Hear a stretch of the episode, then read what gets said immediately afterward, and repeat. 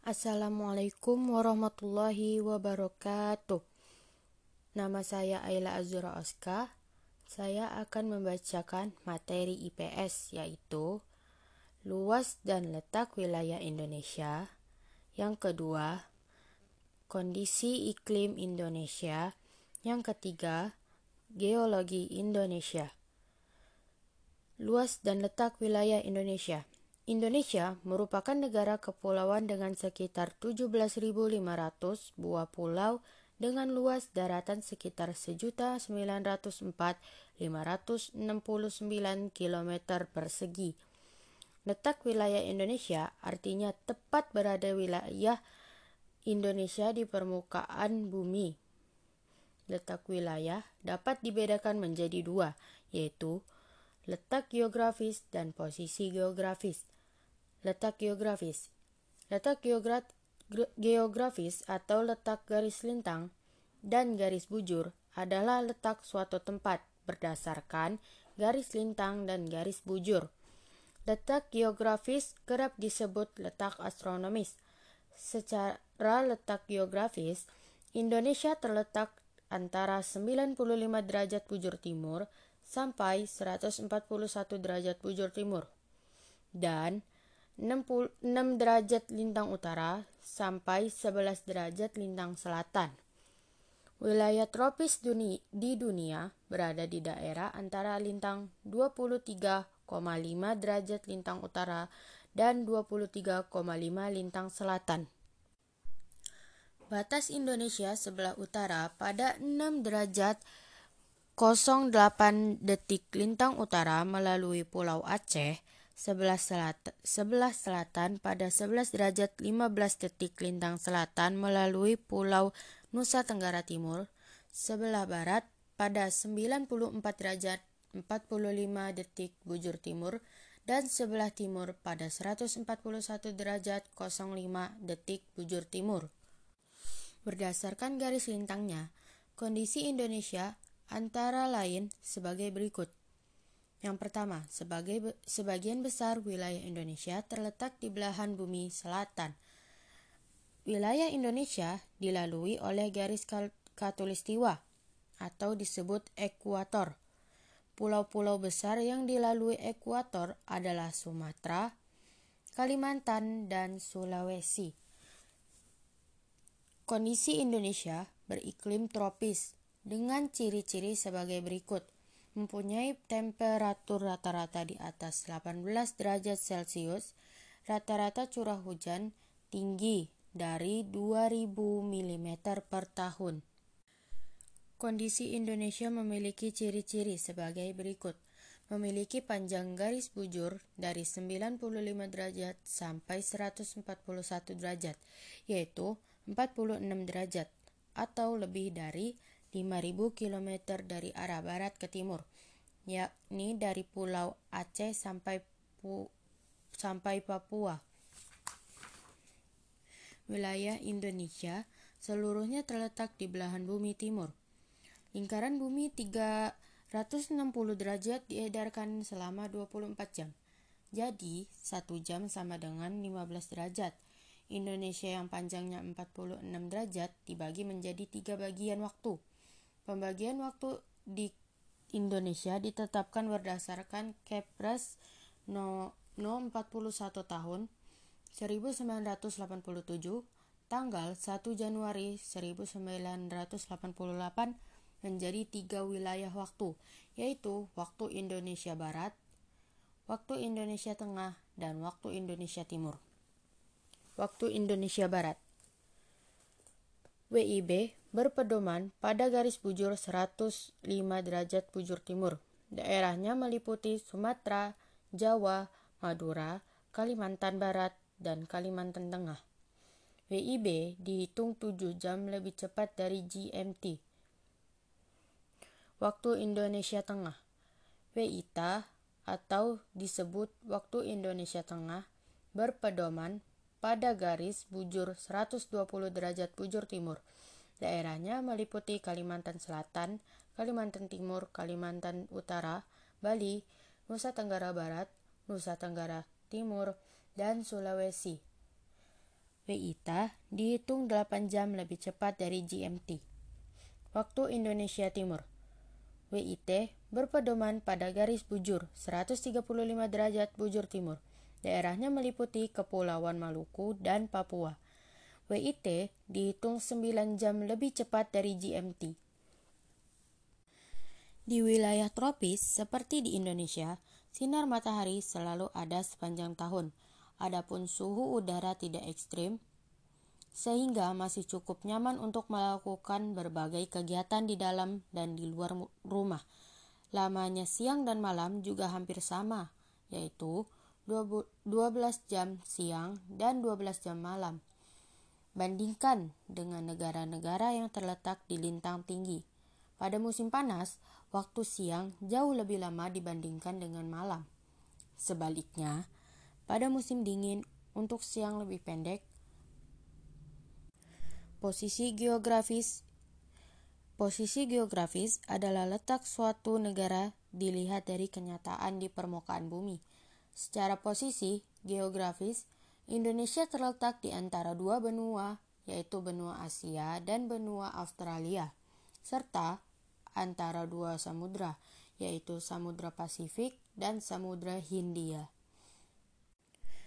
Berdasarkan posisi geografis, Indonesia berbatasan dengan negara-negara tetangga, baik di darat maupun di laut. Di darat, Indonesia berbatasan dengan Malaysia, Papua Nugini, dan Timur Leste.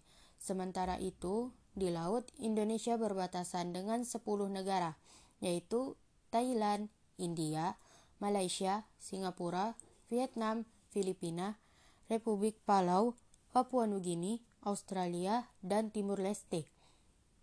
Bila kita melihat posisi geografis secara menyeluruh, Indonesia memiliki posisi geografis yang menguntungkan karena berada di persimpangan jalur lalu lintas dunia, baik jalur pelayaran maupun penerbangan, dan berada di antara negara-negara yang sedang berkembang perekonomiannya.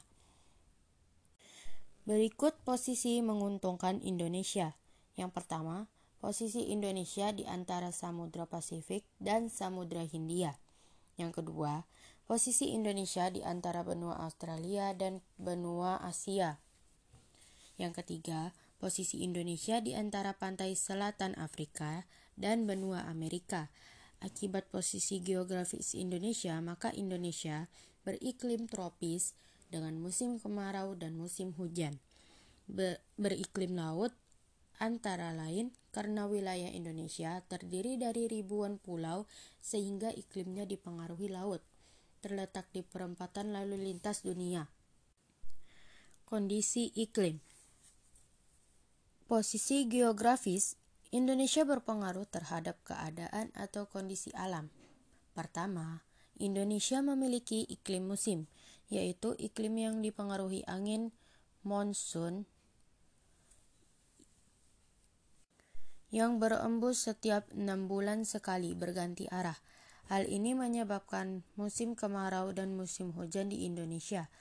Kedua, Indonesia terletak secara geografis 6 derajat sampai 11 derajat lintang selatan, sehingga Indonesia beriklim tropis. Suhu udara rata-rata lebih dari 18 derajat sepanjang tahun. Ketiga, Indonesia beriklim laut. Hal ini karena Indonesia merupakan negara kepulauan sehingga banyak memperoleh pengaruh angin laut yang mendatang banyak, mendatangkan banyak hujan. Unsur iklim di Indonesia ditentukan oleh suhu, tekanan udara, curah hujan, awan atau pengawanan, dan kelembapan. Rata-rata kelembapan relatif berkisar antara 70% dan 90%. Angin yang bertiup umumnya dapat diprediksi. Pada musim hujan biasanya bertiup dari selatan dan timur pada bulan Juli sampai September, sedangkan dari barat laut pada bulan Desember sampai Maret.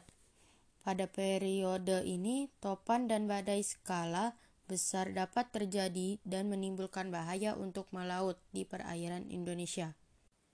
Iklim musim Posisi Indonesia berada di antara benua Asia dan benua Australia, serta di, da di daerah tropis menyebabkan Indonesia beriklim musim. Iklim musim terjadi karena pengaruh angin monsun yang bertiup dan berganti arah tiap setengah tahun sekali. Angin monsun di Indonesia terdiri atas angin monsun barat dan angin monsun timur. Angin monsun timur dikenal juga dengan angin monsun tenggara. Angin monsun barat. Angin monsun barat bertiup dari benua Asia yang sedang mengalami musim dingin menuju ke benua Australia yang sedang mengalami musim panas antara bulan Oktober dan Maret. Sifatnya basah. Pada saat itu, matahari ada di belahan bumi selatan. Pada bulan tersebut, Indonesia mengalami musim hujan. Angin monsun timur Angin monsun timur bertiup dari benua Australia yang sedang mengalami monsun dingin menuju ke benua Australia, eh menuju ke benua Asia yang sedang mengalami musim panas antara bulan April dan September. Sifatnya kering, pada saat itu matahari ada di belahan bumi utara. Akibatnya, pada bulan tersebut Indonesia mengalami musim kemarau. Indonesia terletak di sekitar garis khatulistiwa. Akibatnya, Indonesia termasuk daerah tropika atau disebut panas. Keadaan cuaca di Indonesia yang rata-rata panas mengakibatkan negara Indonesia beriklim tropika. Tropik. Dalam klarifikasi iklim Koppen, Indonesia ini disebut iklim non kering atau tropis. Daerah yang diliputi iklim non iklim non kering selama 12 bulan memiliki temperatur rata-rata di atas 118 derajat Celcius. Suhu pada iklim tropis tetap relatif konstan sepanjang tahun dan variasi musim yang didominasi oleh turunnya hujan. Iklim tropis terletak antara 0 derajat sampai 23,1 per 2 derajat lintang utara atau lintang selatan dan meliputi hampir 40% dari permukaan bumi. Ciri-ciri iklim tropis Yang pertama, suhu udara rata-rata tinggi karena matahari selalu vertikal. Umumnya, suhu udara lebih dari 18 derajat Celcius. Bahkan, di beberapa tempat, rata-rata suhu tahunannya lebih dari 30 derajat Celcius. Amplitudo Suhu rata-rata tahunan di khatulistiwa kecil, antara 1 derajat sampai 5 derajat Celcius, sedangkan amplitudo hariannya lebih besar. Tekanan udara rendah dan perubahannya secara perlahan dan beraturan. Hujan banyak hujan banyak dan lebih banyak dari daerah-daerah lain di dunia. Iklim laut Indonesia adalah negara kepulauan. Sebagian besar wilayah daratan Indonesia dikelilingi oleh lautan atau samudra. Hal ini menjadi sebab Indonesia memiliki iklim laut. Ciri iklim laut di daerah tropis seperti di Indonesia adalah sebagai berikut. Suhu rata-rata tahunan rendah, amplitudo suhu harian rendah, banyak awan, sering hujan lebat disertai badai. Wilayah Indonesia terletak di daerah tropis yang dilintasi oleh garis ekuator atau katulistiwa. Dalam setahun, titik ekuator bumi dua kali dilewati matahari. Matahari tepat berada di ekuator setiap tanggal 23 Maret dan 22 September.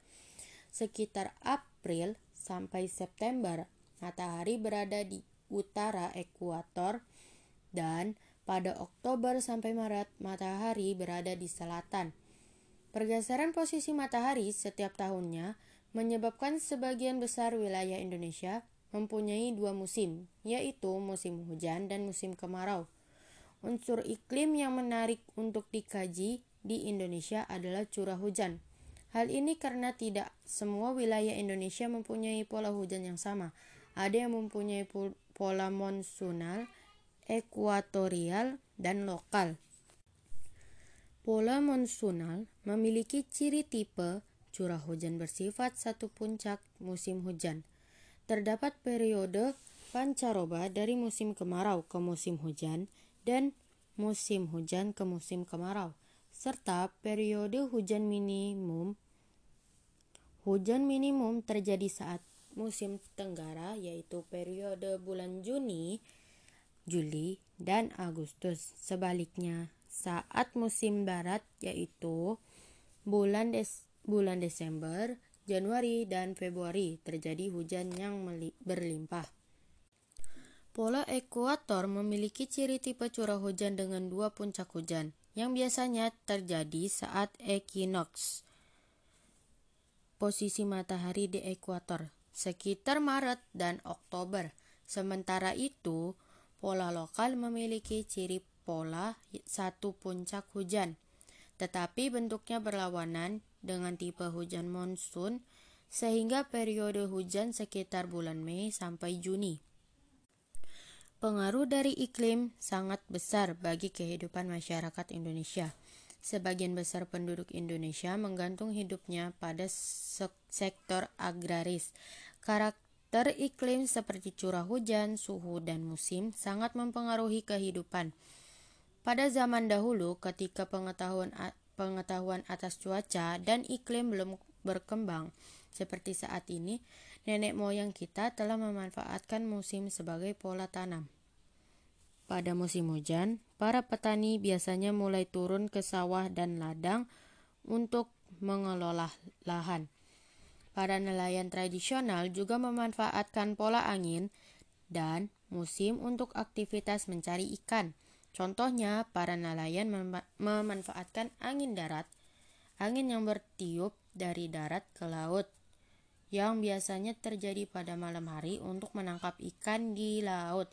Mereka juga memanfaatkan angin laut, angin yang bertiup dari laut ke darat, yang biasanya terjadi pada siang hari, untuk pulang menangkap ikan.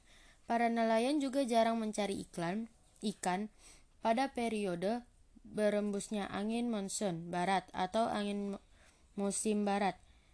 Karena pada masa itu sering terjadi badai dan hujan lebat. Rata-rata curah hujan di Indonesia tergolong tinggi, yaitu lebih dari 2000 mm per tahun. Provinsinya, provinsi yang paling tinggi curah hujannya adalah Sumatera Barat dengan curah hujan rata-rata sekitar 391 mm per bulan, provinsinya, provinsi yang paling kering adalah Sulawesi Tengah dengan curah hujan rata-rata sekitar 47 mm per bulan. Geolo ge geologi Indonesia Letak geologi suatu wilayah diketahui berdasarkan keadaan baru batu-batuan yang terdapat pada tubuh bumi. Secara geologis, posisi Indonesia adalah sebagai berikut. Wilayah Indonesia merupakan pertemuan dari dua deretan pegunungan lipatan muda dunia, yakni rangkaian sirkum Pasifik dan rangkaian sirkum Mediterania. Wilayah Indonesia terletak pada pertemuan tiga lempengan besar, yaitu lempengan Indo-Australia, lempengan Eurasia, dan lempengan Pasifik. Wilayah Indonesia terletak pada pertemuan dua daerah paparan yaitu paparan Sunda dan paparan Sahul, serta daerah zona transisi yang terletak di antara keduanya.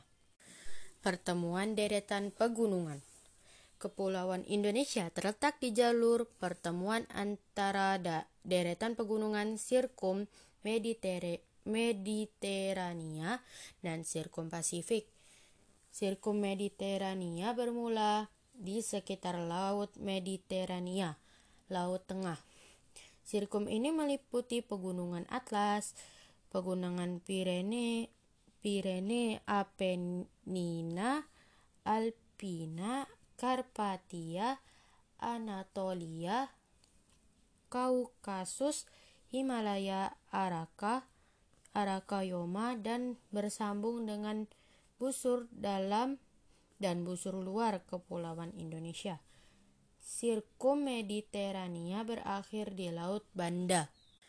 Sirkum Mediterania berbagai atas jalur busur dalam dan busur luar. Busur dalam dari di rangkaian Mediterania bersifat vulkanis. Di jalur ini banyak gunung api yang aktif, contohnya Gunung Kerinci, Gunung Leu, Leu, Leuseur, dan Gunung Krakatau. Sementara itu, busur luar dari rangkaian Mediterania tidak bersifat vulkanis. Busur luar sirkum Mediterania membentang di pantai barat Sumatera seperti Pulau Simeuleu, Simuleu, Nias, Mentawai, Enggano, Jawa, Nusa Tenggara, dan Maluku. Indonesia yang dilalui deretan pegunungan merupakan negara dengan jumlah gunung berapi terbanyak di dunia. Sebagian besar gunung berapi di Indonesia masih aktif. Letusan gunung berapi menjadi ta ta menjadikan tanah Indonesia memiliki unsur hara yang tinggi. Hal ini menjadikan salah satu penyebab utama kesuburan tanah di wilayah Indonesia.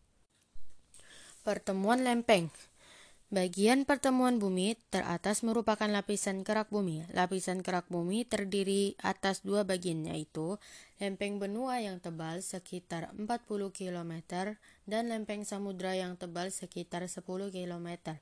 Terdapat lempengan-lempengan yang besar dan kecil di bagian kerak bumi. Lempeng-lempeng tersebut di beberapa wilayah bergerak sangat jauh, sangat menjauh. Di beberapa wilayah lain, bergerak saling mendekat dan bertabrakan.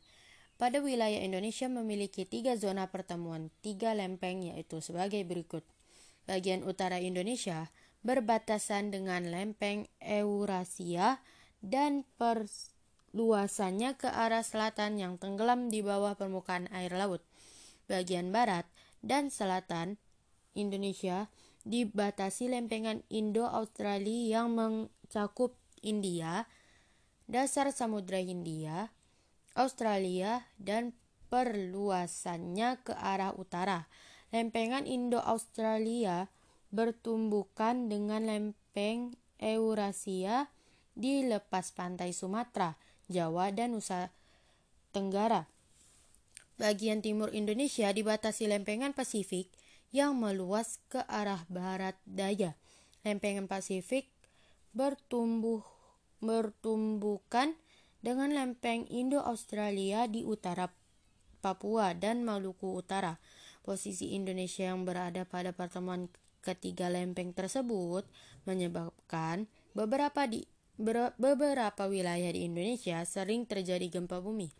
Gempa bumi dapat terjadi akibat tumbukan antar lempeng Wilayah Indonesia yang terletak di antara tiga lempeng membuat kemungkinan terjadinya gempa bumi sangat besar. Terima kasih.